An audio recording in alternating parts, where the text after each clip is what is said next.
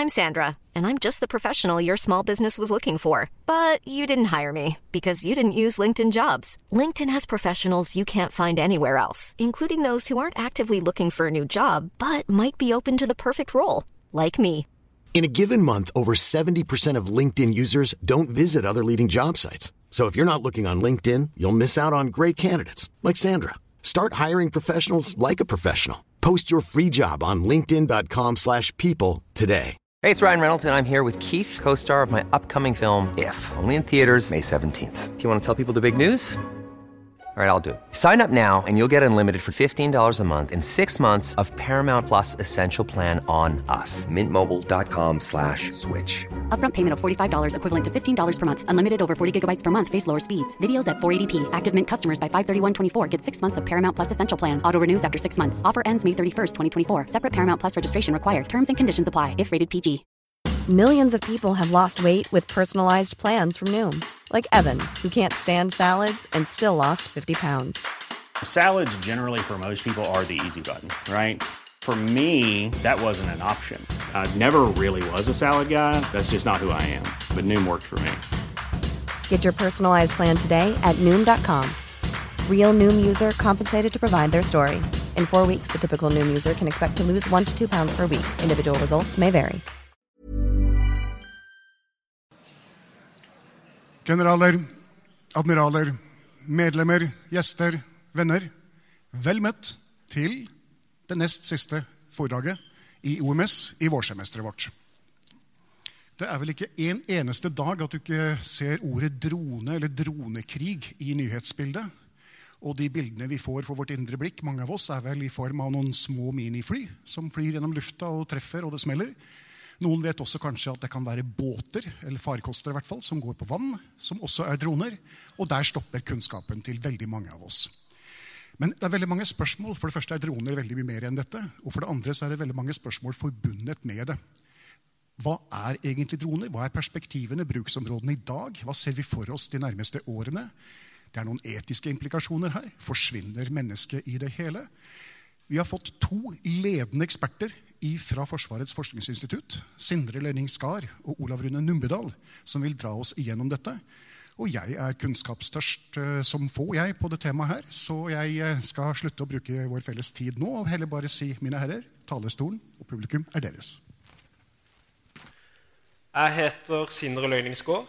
Jeg er forsker fra luftvernavdelinga på FFI.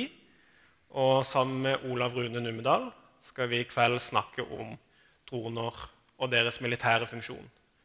Eh, prestasjonen er delt inn i to deler, der jeg først snakker om eh, droner generelt sett, dronetrusselen av effektordroner i Ukraina, og litt hva vi gjør på FFI for å beskytte oss mot denne trusselen.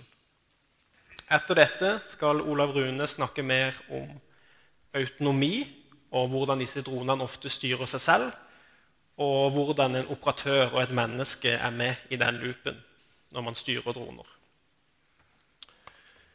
Som sagt, vi starter med eh, det enkle først. Hva er en drone?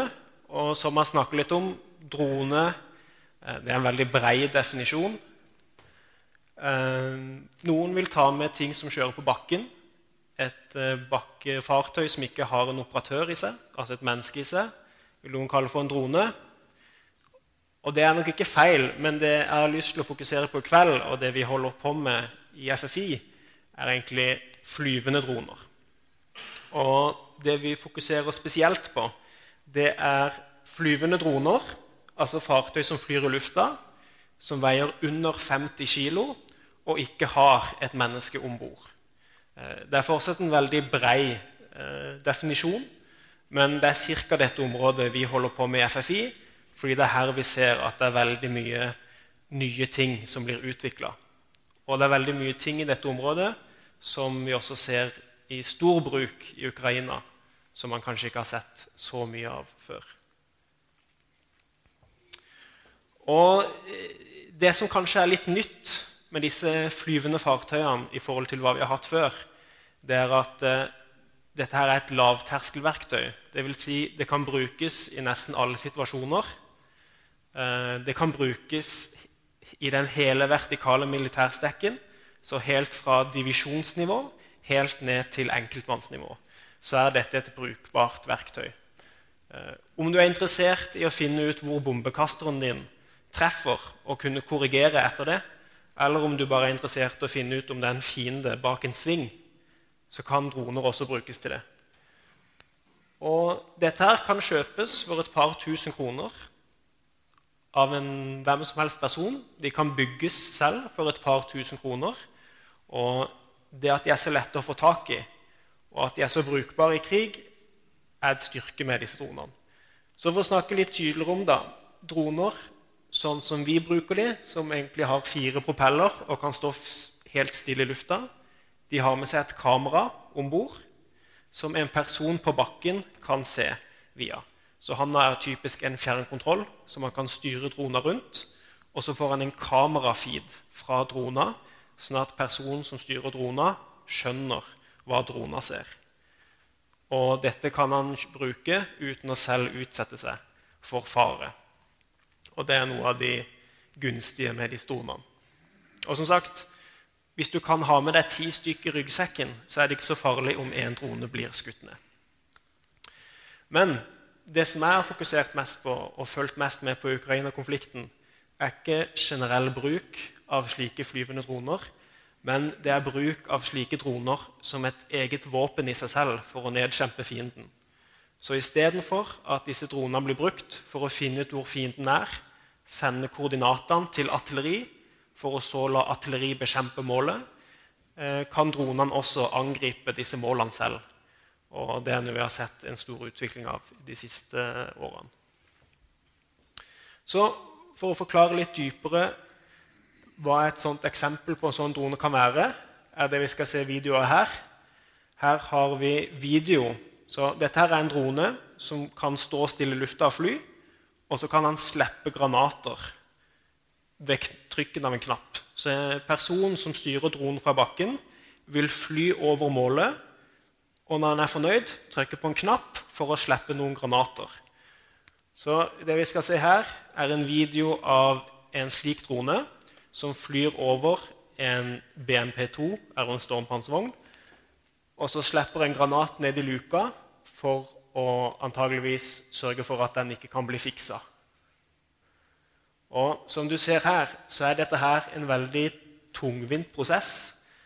Eh, denne her bruker lang tid på å sikte seg inn. Og hadde det vært en person her med en rifle eller med et mottiltak han kunne brukt, så ville denne drona som flyr nå, vært veldig sårbar. Så som du ser her, Denne gangen traff han veldig bra. Men de videoene man ser fra Ukraina, eh, er en del av propagandaen til begge sidene. Så du kan ikke se på dette som eh, at det er sånn det alltid funker. Jeg tipper I ni av ti tilfeller så bommer man litt på målet. Man kan bli skutt ned av fienden fordi man har et såpass stort sårbarhetsvindu med slike droner som går over målet, sikter seg inn, slipper ting ned. Eh, dette er en teknologi som er veldig lett å lage. og Enhver person kan kjøpe en drone som kan fly i lang tid. Det er også lett å kjøpe en servo som kan slippe på en kommando.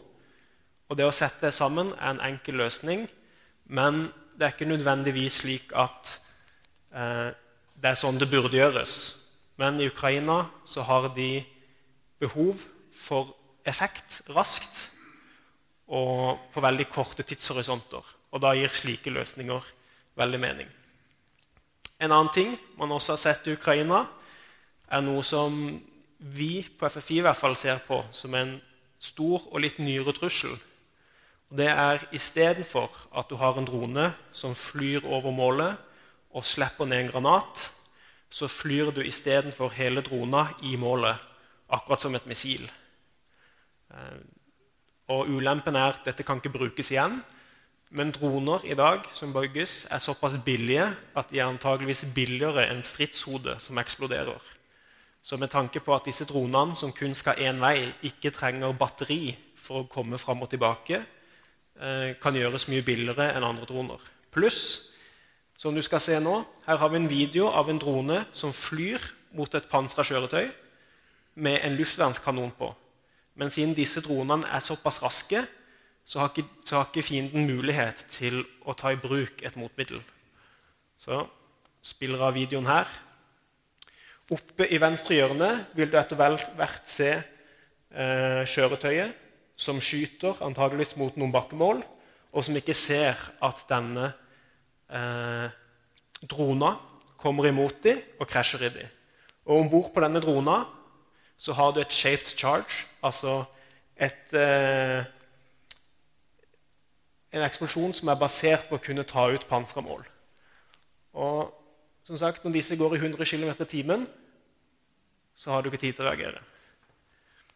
Og Ulempen med disse dronene er at de har veldig kort tid til å være i lufta. De er veldig raske, men de klarer ikke å finne fienden. Så veldig ofte blir disse dronene brukt i sammenheng med en annen drone som flyr og finner målene, sier ifra til en annen person Hei, på, i dette koordinatet er det fiendtlig dro, en, et fiendtlig mål. Da vil personen med en slik angrepsdrone fly opp sin egen drone, fly mot målet og guide drona med bomba på helt til han treffer målet. Så selv om dette målet hadde flytta seg siden det ble observert, selv om det er i bevegelse, så er det fortsatt mulig å slå det ut. Disse her er også sårbare for ting som jamming og andre mottiltak mot droner. Men fordelen med disse er at de er såpass raske at sårbarhetsvinduet til slike våpen er veldig kort. Og I en ny video her så kan du se hvordan det ser ut når en slik drone jager etter en bil. Så selv om du prøver å kjøre unna området, flyr disse dronene såpass raskt som sagt, i 100-200 km i timen at du klarer ikke å slippe unna. Og igjen, Her ser du at du antakelig har brukt en annen drone til å oppdage målet. Og så bruker du denne angrepsdrona til å bekjempe målet. Begge disse her to blir styrt av en person som både styrer drona som leter etter mål, og en annen person som styrer inn angrepsdrona for å krasje. Og nå har jeg, tror ikke jeg har vist et spesifikt bilde av hvordan disse her ser ut. Men sånn ser disse her ut. Her ser du at du har et sånn shaped charge-ladning, typisk fra en rakettdrevet antistridsvognstridshode, som er satt fast på undersida eller oversida av en drone som har fire propeller og et kamera i nesa. Disse her er litt vanskelig å fly, men de er veldig billige og vi har simulatortrening til å kunne fly slike. Selv har jeg erfaring til å kunne fly syke droner. Og det må ikke mange timers trening til før du selv kan ta ut bevegelige mål, f.eks. Og disse er såpass billige at de kan også lages i veldig stor skala. Til høyre her har du vel ca. rundt 100 stykk. Og det som er interessant, er at disse her er fryktelig like det vi også har på FFI. De bruker de samme komponentene til å lage dem. Og det kan lages av de fleste. Så en fordel her da, og grunnen til at Ukraina bruker disse, her, er fordi du trenger ikke store industriområder for å lage dem. Allikevel så er de veldig effektive. De kan ta ut de fleste pansra kjøretøy, eh, litt avhengig av hvilken situasjon og hvor ting blir truffet. Men generelt sett så snakker du om et stridsmiddel her der du selv ikke trenger å eksponere deg. Du kan sitte nede i skyttergrava di, du kan ha en antenne opp av skyttergrava, og så får du kamerafeed fra drona, som så går og angriper målet. Og La oss si at du har en M72-stridshode her som har flere hundre millimeter eh, med panserbekjempning. Altså, De kan vel skyte gjennom flere hundre millimeter panserstål det jeg frem til. Og disse kan du få til å treffe mål som skjuler seg i små skjul. Fordi disse dronene er såpass agile. De kan snu rundt svinger. Eh, I situasjoner der du f.eks. skal fly opp og bekjempe et mål, så kan du også få verifisert er dette faktisk det målet jeg er ute etter, før du velger å eventuelt kjøre og nedkjempe målet. Og denne fleksibiliteten til dronen og det at de er så enkelt å lage, er fordelen med disse systemene, og grunnen til at de har blitt brukt mye, både av eh, Ukraina og av Russland. Samtidig så har jeg en liten video her. Eh, som du kan se at folk har begynt å tilpasse seg sakte, men sikkert. Du har en lite bilde av toppen her. Så ser du at man har satt et form for gitter på oversida for å beskytte lukene på stridsvogna. Og dette er rett og slett for å forhindre at du enkelt kan droppe en granat ned i en åpen luke. Eh, og det beskytter også kanskje de mest eh, lettpansra områdene på en stridsvogn. Eh, her har jeg også en video du skal se. Det er en liten digresjon. Men her ser du faktisk at en sånn drone med et stridshode på undersida treffer fronten. Her har du allikevel Det er alltid litt vanskelig å få verifisere disse videoene, siden du må rundt på mye sider, og det er mye russiske ting. Men etter hva jeg forsto, så overlevde stridsvogna dette treffet, og den kunne fortsette å slåss. Uh, og Det er rett og slett fordi den beskytter sine svakeste områder, og da tåler han en trøkk. Og han kan fortsette å operere. Og som vi skal snakke om etter hvert, denne løsninga her, med stridshode på en drone, tut og kjør, er ikke nødvendigvis sånn det kommer til å være i fremtida. Uh, det vi nok kommer til å se etter hvert, er en mer profesjonalisering av disse dronene der man ikke har de samme begrensningene som man har i Ukraina. Ukraina kan ikke sette opp store, eh, stor industri for å utvikle mer komplekse systemer, fordi dette hadde vært strategiske mål å ta ut. Men du ser f.eks. USA og Russland har allerede utvikla litt lignende systemer, som man ofte har kalt 'loitering munition'. Og det det baserer seg på, er mye likt det dere har sett her Eh, det baserer seg på at du gjerne kan sende et flyvende fartøy, som vi ofte kaller drone, uten personer i. Sende de opp i lufta før de har fått et mål å bekjempe. Så kan de fly rundt og vente på en kommando, typisk fra en person, til å si nå er det kommet et mål her. Og den kan på veldig kort tid, fra den har fått en ordre om å bekjempe et mål, fly mot det målet og nedbekjempe målet. Det vi har video fra her, er en russisk Lancet-drone, som er en mer avansert drone. Der det er en person som følger med her og sørger for at han treffer riktige ting. Men selve den styringa, på en måte autopiloten, den blir styrt av drona selv. Dette er annerledes fra FPV-droner og sånn andre droner er vist, der piloten selv må styre hele tingen. Og det jeg egentlig ville poengtere litt med dette, uh, denne videoen her, er egentlig litt målet som blir nedkjempa her. Her har du en artillerivogn som blir nedkjempa.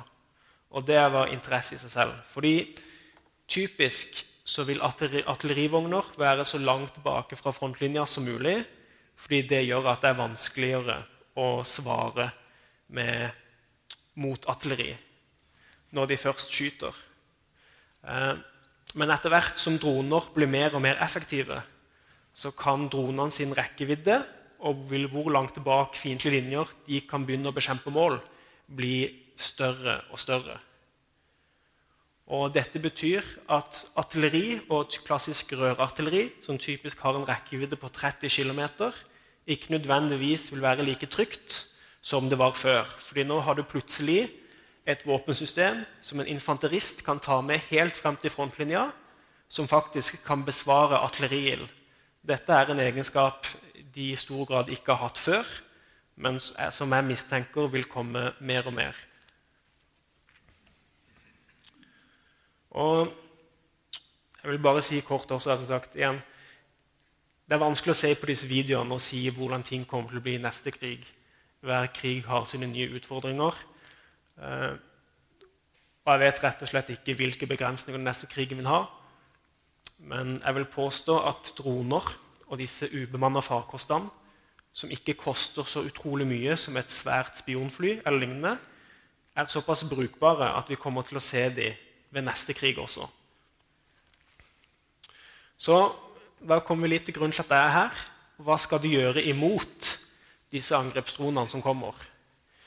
Og dette her er noe vi har brukt mye tid på på luftvernavdelinga på FFI. er Å finne ut fordeler og ulemper med de forskjellige systemene. Og her tok jeg bare inn noen tilfeldige eksempler. Eh, du har jamming, altså du prøver å ødelegge for kommunikasjon over radio. Det er ett alternativ. Du har eh, kanoner og raketter. Det funker også i visse tilfeller. Og du har også laser.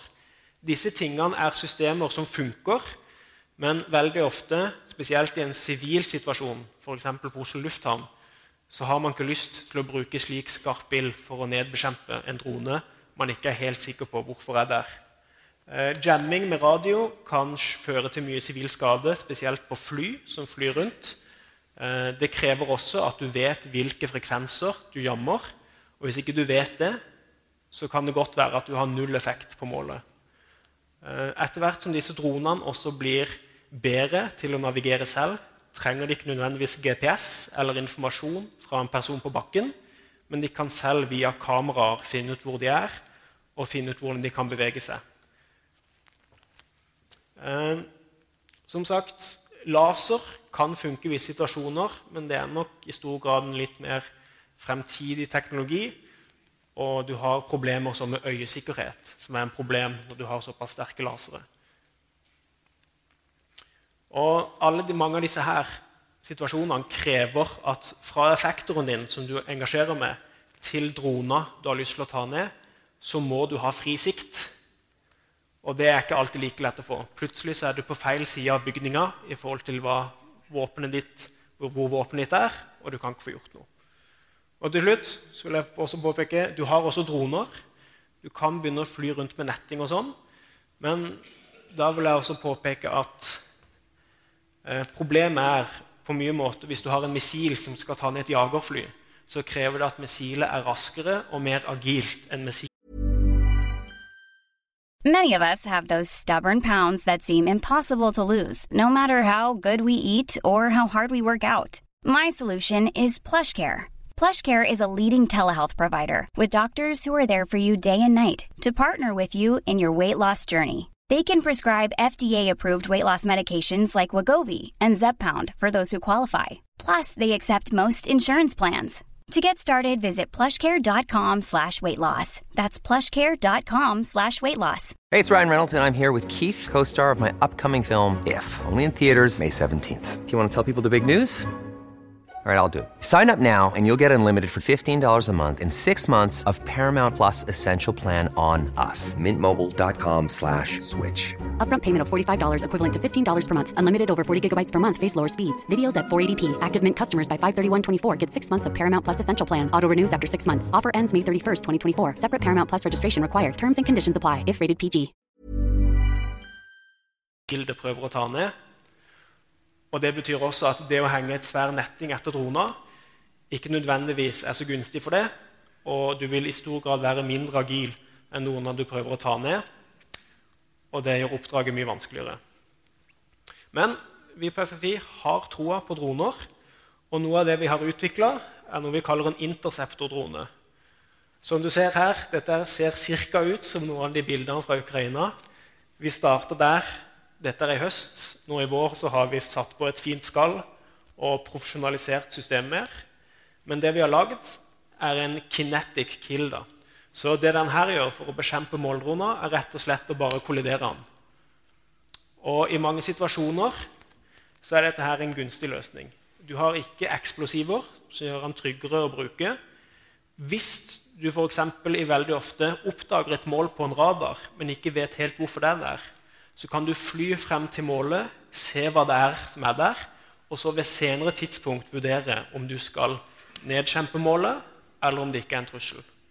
Ofte så er du kanskje også bare interessert i å følge målet og vente til det lander, for å så finne ut hvem operatøren til denne drona var. I noen situasjoner er dette mer gunstig enn å bare bekjempe målet. En drone har mulighet til å gjøre alle de tingene.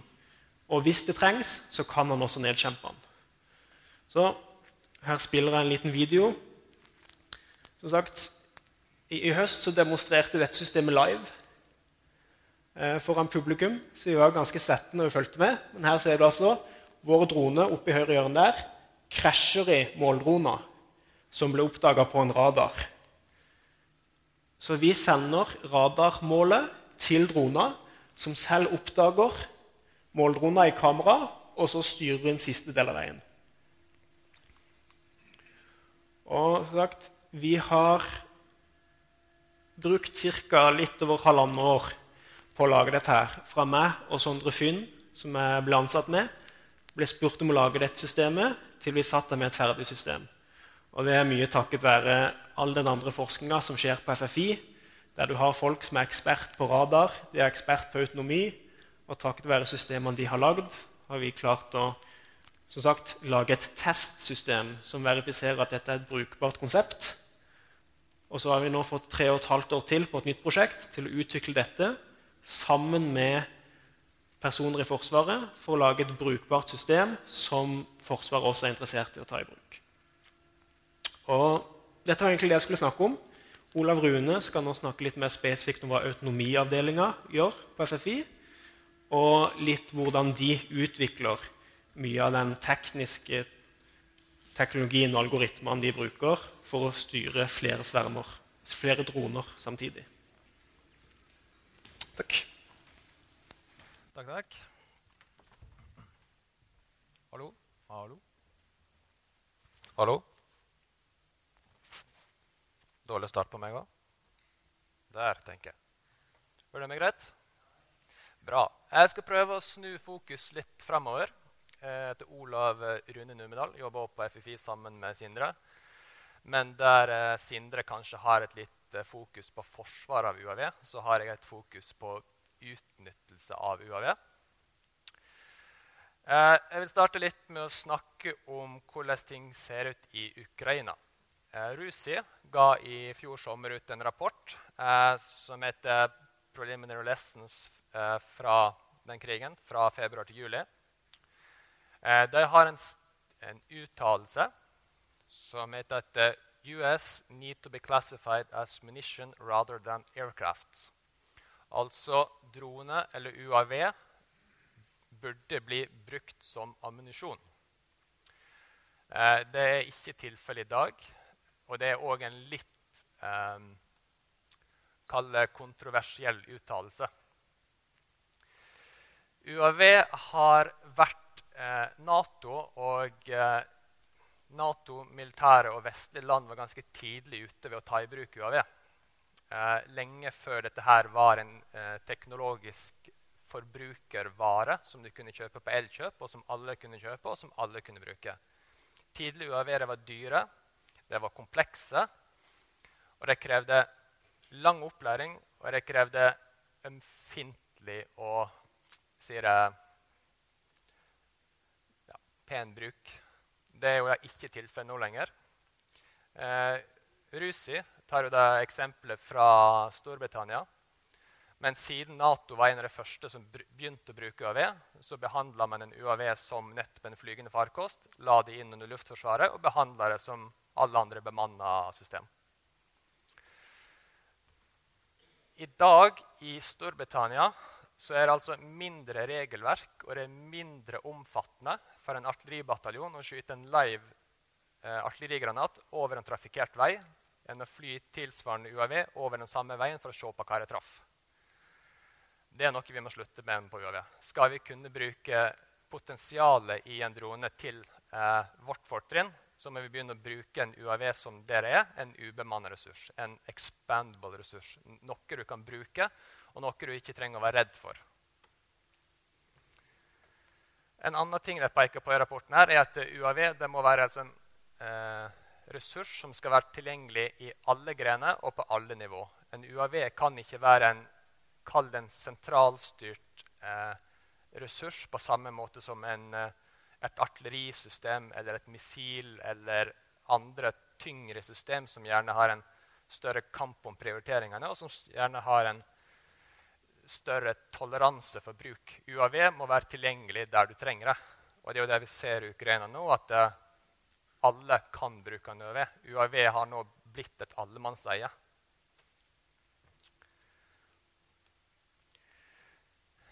En ting jeg skal snakke litt om, er jo at dagens UAV-system er veldig veldig personellkrevende. Eh, som du så på videoene som Sindre viste så er jo alle de videoene her, eller så er alle UAV-ene her det er jo styrt av én person og veldig manuelt. Uh, vi sier at uh, 'your attention is limited, use it wisely'. Uh, du kan bare gjøre én ting om gangen. Uansett hva vi tror vi kan, så kan vi bare gjøre én ting. Vi har eksempler på bildet til venstre der du kan overvåke flere statiske kamera samtidig, men det, det er det du gjør. Du sitter og ser på kamera. Som UAV-operatør nå i Forsvaret på enkeltmannsnivå så er du, du er både tekniker, du er pilot, du er luftromskoordinator, du er sensoroperatør, du er etterretningsmann, du skal eh, bearbeide informasjon, du skal dele informasjon. Det, det er en veldig, veldig personellkrevende jobb det å styre og nyttiggjøre seg av en UAV.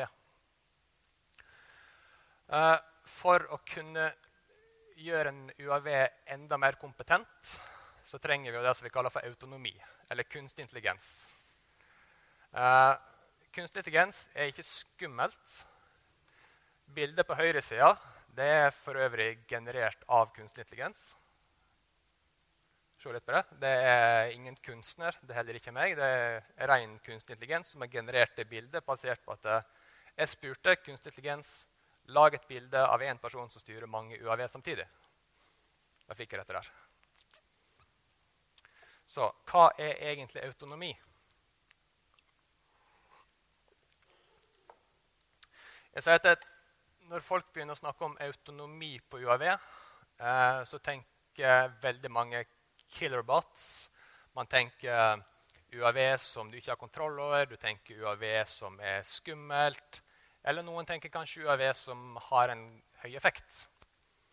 Eh, vi sier at et autonomt system at et system er autonomt, betyr ikke at du ikke har kontroll over det.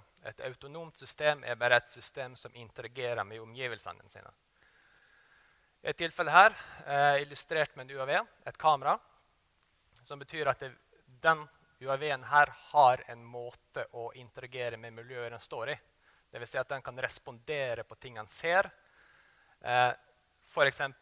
hvis du har en UAV med et kamera som kan da stoppe opp og forteller deg at nå ser jeg på et eller annet interessant. Det betyr ikke at du ikke har kontroll over systemet. Det betyr ikke at du ikke må ha en radiokontakt. Det betyr bare at systemet er til en viss grad i stand til å være mer selvstendig enn et helmanuelt system, sånn som vi har i dag.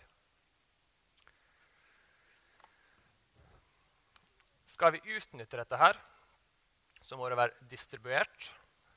Det vil si at hvis du har en uh, eh, UAV som er autonom, som har en grad av selvstendighet, som har en grad av uh, ikke bevissthet, men har en grad av mulighet til å påvirke den ser, uh, så må dette her skje på farkosten. Det vil si at når du har en UAV som kan finne et mål på egen hånd, ikke engasjere, finne et mål og si at her er noe interessant, så må den prosesseringen da må alt Eh, den eh, systemet ligger på UAV-en. Videre så har vi på FFI et um, Vi har en hypotese om at uh, flere sensorer gir deg en bedre situasjonsforståelse. Uh, det er nesten sant ut av boksen. Uh, du har Flere sensorer vil gi en bedre situasjonsforståelse hvis du har et system som hjelper deg til å bearbeide infoen som kommer inn. UAV blir nå brukt ja, I dag i Norge, i Nato, blir 98 av UAV blir brukt til situasjonsforståelse. Det vil si at Alle UAV har et kamera. Du flyr deg inn over et område du ønsker kontroll over. du ønsker informasjon om. Og i fleste tilfeller så får du en video tilbake. Du får en video eller du får et bilde. Men den videoen eller et bilde den gir deg i utgangspunktet ingenting før du har bearbeidet informasjonen som kommer fra den. Eh, en UAV har òg den bakdelen at en video eller et kamera kan være, være på én plass om gangen. Det vil si at Hvis du ser på noe interessant, eller du har funnet noe som er interessant, og ser på den, og ønsker å se på en annen plass, så må du slippe den første tingen du har. Da må du slutte å se på den eh, tingen du ønsker å ha kontroll på, og begynne å fokusere på noe annet. Og når du ønsker å gå tilbake til den første tingen din, så må du bruke tid på å finne igjen den første tingen du så på. Og alt i alt så blir dette ganske ineffektivt. Det vil si at du må ha et system som fasiliterer for at du faktisk er i stand til å nyttiggjøre av all den dataen. Det som skjer hvis du har et sånt system, som vi kaller for eh, autonomi, som vi jobber for å utvikle, er jo nettopp det at du gjør, gjør i stand til at du som enkelt UAV-operatør kan bruke flere UAV-er samtidig. Da slutter vi å ha én UAV med ett kamera til én person på bakken som har én fjernkontroll. Da kan du ha én person som faktisk styrer flere UAV samtidig. Hvis du nå prøver å skalere det systemet her, at du har én eh, UAV med én mann på bakken, og skal nå si at du har eh, tre stykk som skal fly i samme luftrom med tre forskjellige fjernkontroller, så bruker de all sin tid bare på å koordinere seg imellom og prøve å ikke kollidere i lufta. Det er et veldig ineffektivt system, og du vil heller ikke få noe effekt ut av det. Du bruker all din tid på egentlig overhead, og du bruker all din tid på å, på å fly og ikke gjøre det som er jobben din, og samle informasjon, bygge situasjonsforståelse og faktisk rapportere hva du ser for noe. I praksis eh, så ser det sånn ut. Jeg skal bruke litt tid på å forklare hva dere ser på her.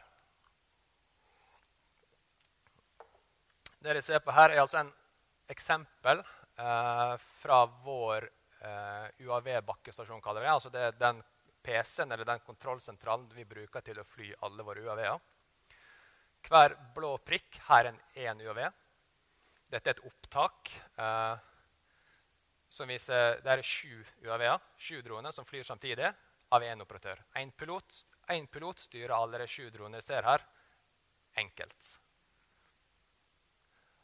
Her viser vi at du kan fly én um, pilot, styre sju UAV-er. Han styrer ikke lenger manuelt hvor du skal fly, eller hvordan du skal fly, eller hva du gjør, men du sier eh, fly dit, og så tar UAV-ene seg av dette her sjøl.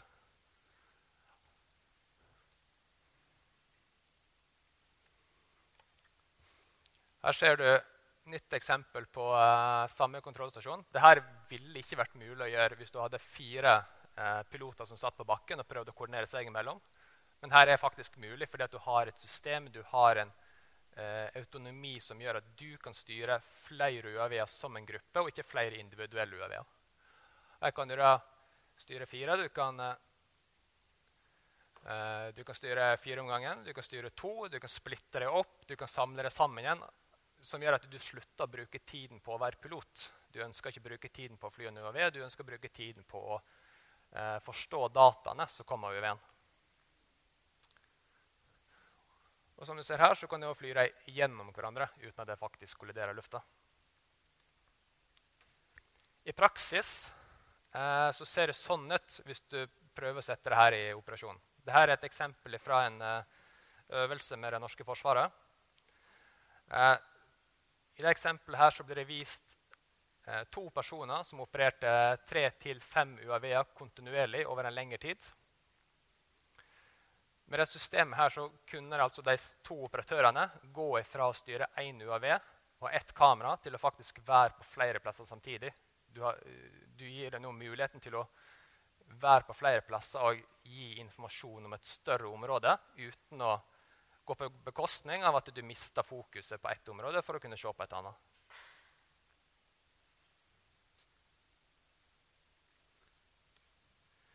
Hvis du tar dette et steg lenger eh, Når du slutter å forholde deg til UAV sånn som vi gjør, med én eh, pilot og én eh, UAV, så kan du faktisk muliggjøre kontroll og styring av forskjellige typer farkoster.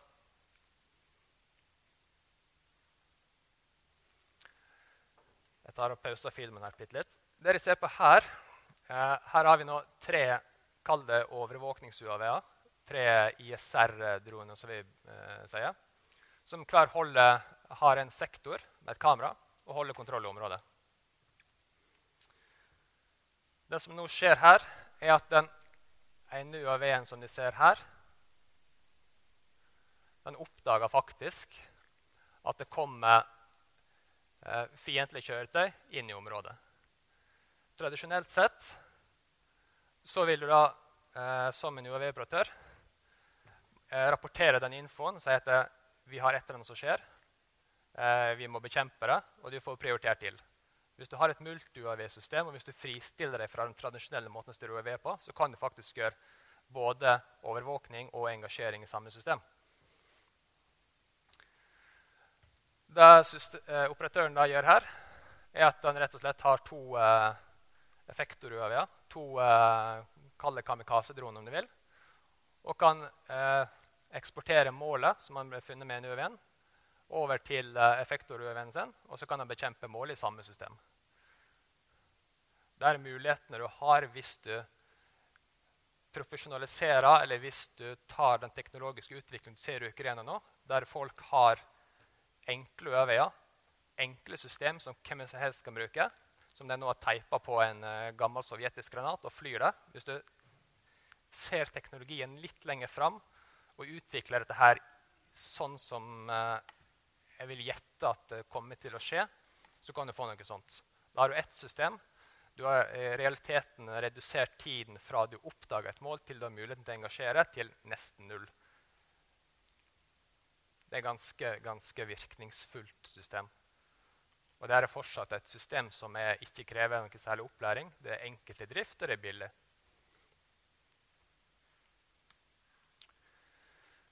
Det er min uh, siste slide. Jeg skal bruke litt tid på å forklare her hva jeg ser på. Det her, det her er skjermsparerfilmen min. Det er en simulering som bygger på det andre systemet som du så. Eh, hver lille blå, blå, prikk her det er en simulert UAV. Eh, det som her kan se ut som en, et, stor, et, stort koordinert, eh, preplanlagt eh, sånn pen sånn stioppførsel eller svermoppførsel, er her det som vi kaller for emergent behavior. Det vil si at her har du egentlig mange individuelle UAV-er de har fått tre, tre jobber, tre oppdrag. Ene er at de skal holde seg unna terrenget som her er merka i rødt. Eh, to, de skal holde en viss avstand til sin nærmeste nabo. Og tre, de skal komme seg fra A til B. Alle her flyr mot samme punkt. Nå prøver alle å fly hit. Og så ser du at de punktet oppdaterer seg fra tid til annen. Nå er vel det punktet oppi her en plass, tipper jeg. Og nå prøver de å komme seg hit. Så det som her ser ut som en sånn stor sentralstyrt sak, det er egentlig bare veldig, veldig mange individuelle enheter som prøver å komme seg fra A til B uten å krasje. Derfor er det sånn. Dette er ikke altså, Dette er jo en uh, idiotisk mange UAV-er på samme område. Men det viser veldig veldig godt eh, hvordan et sånt system, hvordan en sånn algoritme, hvordan denne teknologien faktisk skalerer. Dette er ikke science fiction. Dette er noe vi kan gjøre nå. Hvis vi hadde hatt sånn 990 UAV-er til, så kunne vi simulert dette. her. Eller faktisk teste det i virkeligheten. Men det bygger jo da på det samme systemet som vi har flydd, og som vi har testa, og som vi vet fungerer. Så i en eh, forlengelse av det som Sindre sa, vi tror at vi tror at teknologien og effekten og mulighetene du får ved bruk av UAV, er kjempestore, men det er òg vi må anta at andre òg gjør den samme utviklingen. Takk for meg.